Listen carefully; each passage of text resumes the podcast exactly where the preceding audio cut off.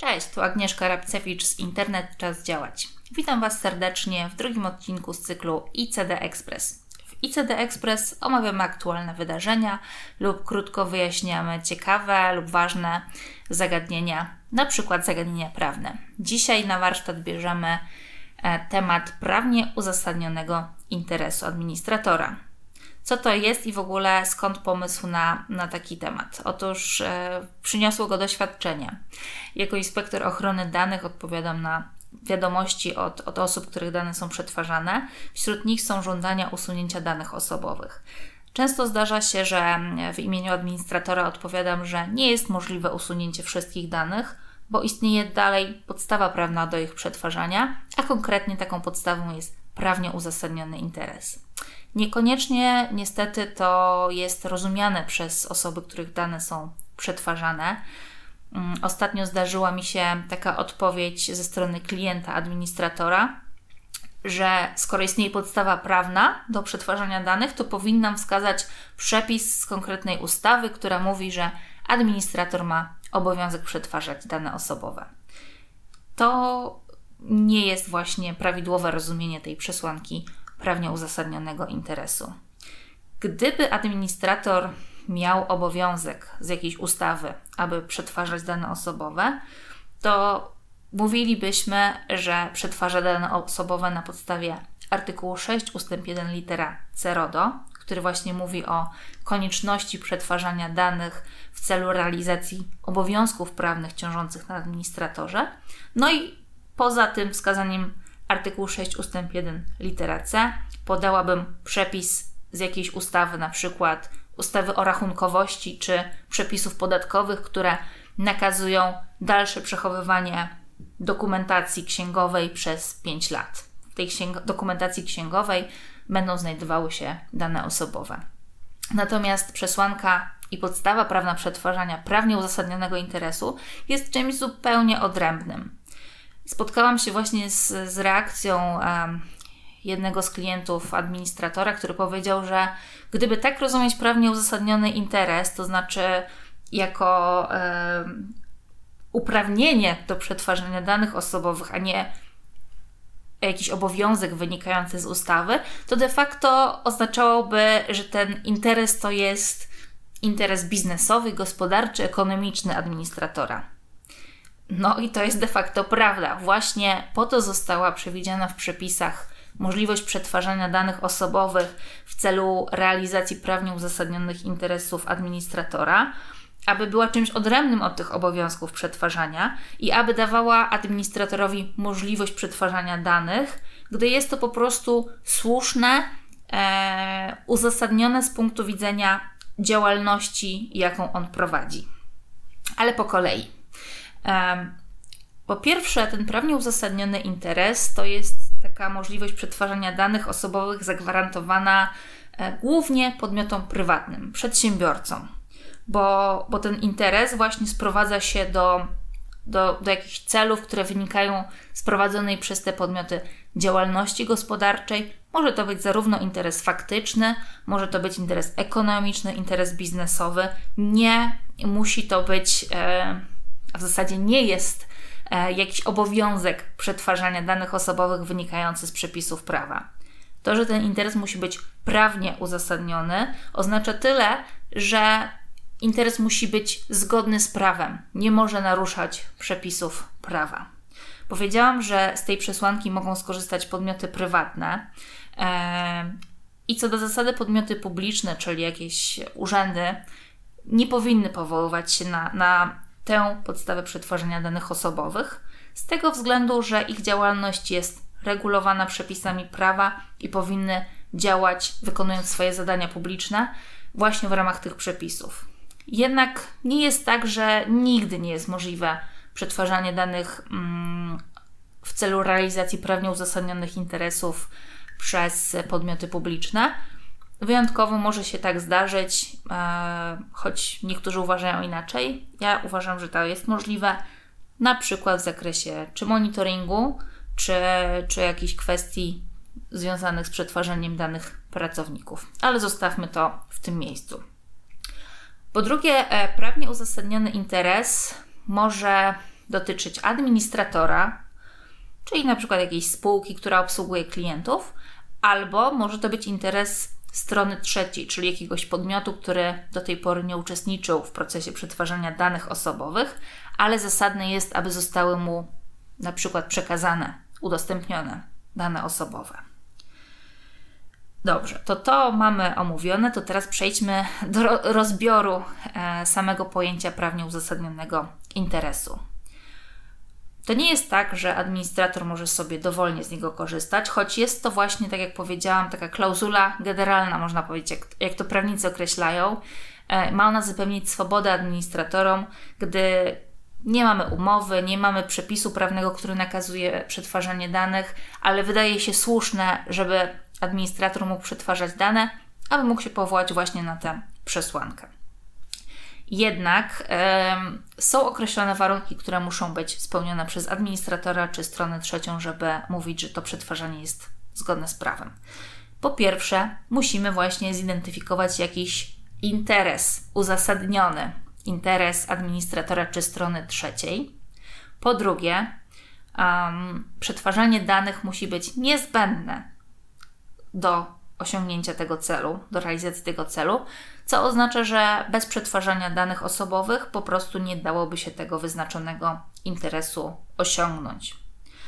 I po trzecie, najważniejsze, administrator musi um, zważyć, można sobie wyobrazić, że, że faktycznie musi wziąć na wagę, położyć po jednej stronie swoje uzasadnione interesy, a po drugiej stronie położyć interesy prawa wolności osoby fizycznej, e, które wymagają ochrony danych osobowych. I tutaj, w zależności od tego, jaki będzie wynik, administrator lub strona trzecia będzie mogła się powołać na prawnie uzasadniony interes lub nie. Jeśli cięższe, czyli więcej ważące będą te interesy prawa wolności osoby fizycznej niż interesy administratora, wówczas nie będzie on mógł e, przetwarzać danych osobowych, powołując się na, na artykuł 6 ustęp 1 litera F. Natomiast jeśli okaże się, że jego interes, interesy administratora czy strony trzeciej będą cięższe, bardziej zasadne, e, i ta osoba fizyczna nie ucierpi na tym, że będą przetwarzane dane osobowe, e, wówczas wszystko będzie ok, można się na tę e, okoliczność przetwarzania, na tę podstawę przetwarzania powołać. Jak w praktyce dokonać e, takiej oceny, takiego ważenia interesów? No niestety nie mamy w przepisach żadnych jasnych wytycznych, ale administrator powinien tego dokonać w każdym indywidualnym przypadku, jeśli chce się powołać na prawnie uzasadnione interesy w celu przetwarzania danych osobowych, bo w RODO mamy zasadę rozliczalności, w związku z czym administrator musi być w stanie wykazać, że takie, taką analizę przeprowadził. W praktyce e, można skorzystać ze wskazówek brytyjskiego organu nadzorczego, który wydał bardzo fajne e, wytyczne. Nie są one oczywiście wiążące, ale z uwagi na brak lepszych wzorców e, warto sięgnąć do tych wskazówek. Dobrze, mamy teorię za sobą, przejdźmy teraz do konkretów. Co w praktyce może być takim prawnie uzasadnionym interesem administratora, pozwalającym na przetwarzanie danych osobowych? Nie mamy tutaj żadnego zamkniętego katalogu w przepisach, e, natomiast w motywach RODO, czyli w tej części takiej niewiążącej w sensie prawnym, natomiast dającej wskazówki, jak interpretować przepisy RODO, mamy kilka przykładów. Po pierwsze, został wskazany marketing bezpośredni. E, I tak samo w naszej polskiej dawnej ustawie o ochronie danych osobowych wskazywano jako prawnie usprawiedliwiony cel administratora możliwość przetwarzania danych osobowych właśnie w celu marketingu bezpośredniego, tylko tutaj zastrzeżenie. Musimy pamiętać, że mamy też inne przepisy niż e, RODO, a mianowicie prawo telekomunikacyjne czy ustawę o świadczeniu usług drogą elektroniczną, która e, przewiduje dodatkowe warunki możliwości prowadzenia działań marketingowych, marketingu bezpośredniego, na przykład konieczność uzyskania zgody na przesyłanie informacji handlowej czy na, e, na przykład na wykonywanie połączeń telefonicznych w celu marketingu bezpośredniego. E, inne przykłady podane w, w motywach RODO to przekazywanie danych w ramach grupy przedsiębior przedsiębiorstw dla wewnętrznych celów administracyjnych. O co chodzi? Otóż możemy sobie wyobrazić jakąś grupę kapitałową, w której na przykład prowadzona jest wspólna polityka wynagrodzeń wobec pracowników.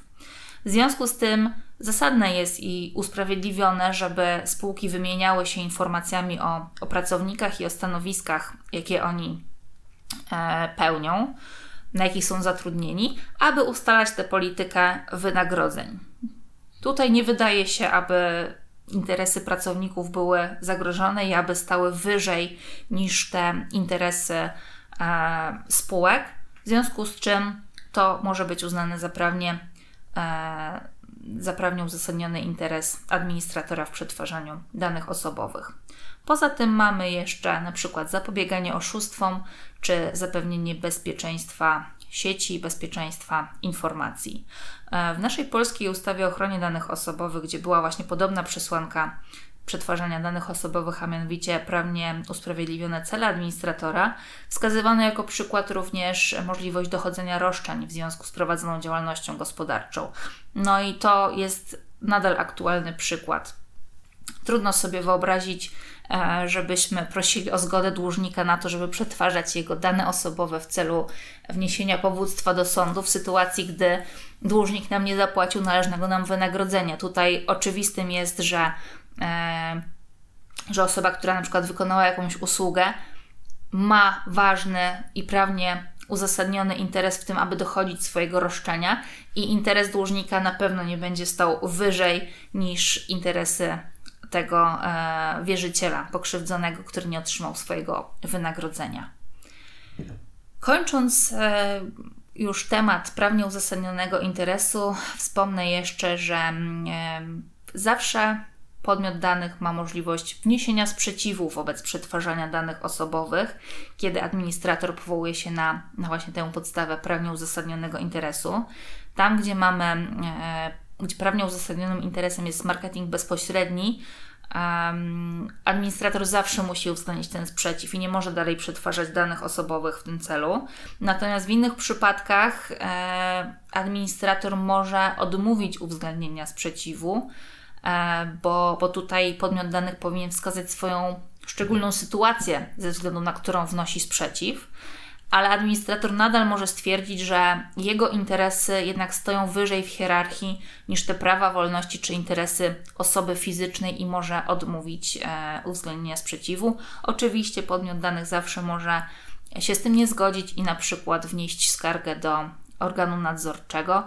Natomiast no, no, trzeba wziąć pod uwagę, że musi istnieć tak naprawdę jakaś, jakaś swoboda dla administratorów, aby mogli przetwarzać dane osobowe.